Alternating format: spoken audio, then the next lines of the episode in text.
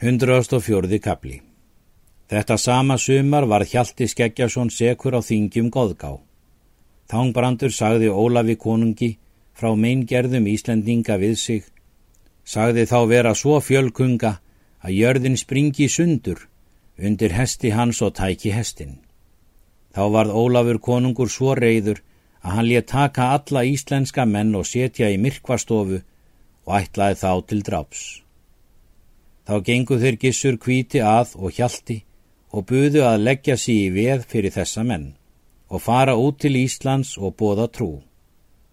Konungur tók þessu vel og þáu þeir þá alla undan. Þá byggu þeir gissur og hjalti skip sitt til Íslands og örðust nefn búnir.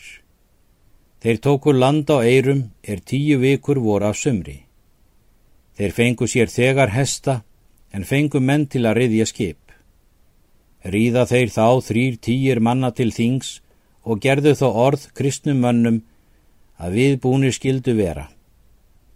Hjalti var eftir að reyðarmúla því að þeir spurðu að hann var sekur orðinum goðká. En þá er þeir komu í Velland köllu ofan frá gjábakka, þá kom Hjalti þar eftir þeim og hvaðst ekki vilja sína það heðnum mönnum að hann hrættist þá. Riðu nú margir kristnir menn í móti þeim og riðu þeir með fylltu liði á þing.